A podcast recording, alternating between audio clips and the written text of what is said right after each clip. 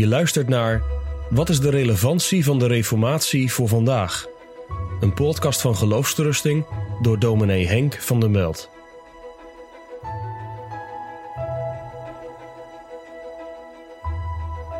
De Reformatie betekende ook een vernieuwing van de liturgie. Mensen denken dan meteen aan witte muren in protestantse kerken waar geen altaren en beelden meer te vinden zijn.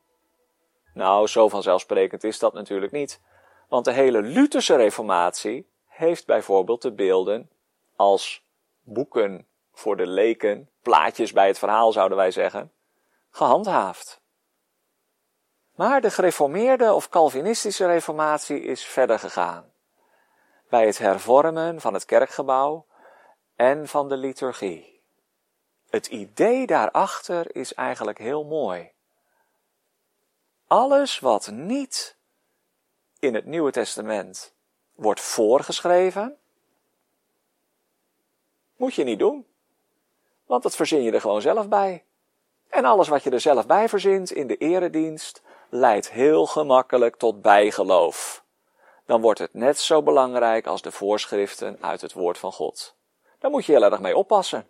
Dat wordt eigenwillige godsdienst. Letterlijk. Een godsdienst, een dienst van God, zoals je het zelf wilt, zoals je het zelf bedacht hebt. Nee, was de gedachte, blijf maar zo dicht mogelijk bij het woord van God. Dan zit je goed. Sommige Calvinisten hebben dat heel radicaal gedaan, vooral in Schotland. Geen orgel, want het staat nergens in de Bijbel. Geen muziekinstrumenten, die staan wel in het Oude Testament, maar niet in het Nieuwe Testament. Alleen de psalmen, dat is het gezangboek van de Nieuwtestamentische gemeente. En daar hebben we genoeg aan. Geen kerst, geen Pasen, want waar staat in de Bijbel dat we dat moeten vieren? Trouwens, de datum van kerst weten we niet eens. En zo werd de hele liturgische traditie uiteindelijk overboord gezet door de Presbyterianen. Zo strikt is het bijna nergens meer. En dat is ook wel een beetje gelukkig. Want hoewel het een goede regel is om zo dicht mogelijk bij het woord van God te blijven, mogen we toch ook de mooie dingen uit de traditie van de kerk overnemen. Als het maar geen wet van mede en persen wordt. Geen nieuwe wet waar mensen aan moeten voldoen. Want dan gaat de traditie heersen over de schrift. Traditie is mooi.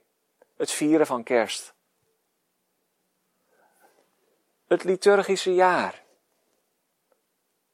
De gewoonten uit de kerkgeschiedenis waar je soms van kunt leren. Maar de schrift heeft het laatste woord. Ook in de kerkdienst. En zo is de Reformatie een bevrijding van de liturgie, van de eredienst, om weer echt op God gericht te zijn.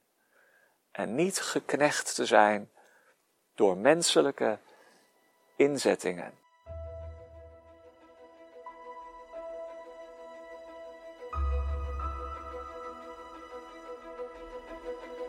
Je luisterde naar een podcast van Geloofsterusting.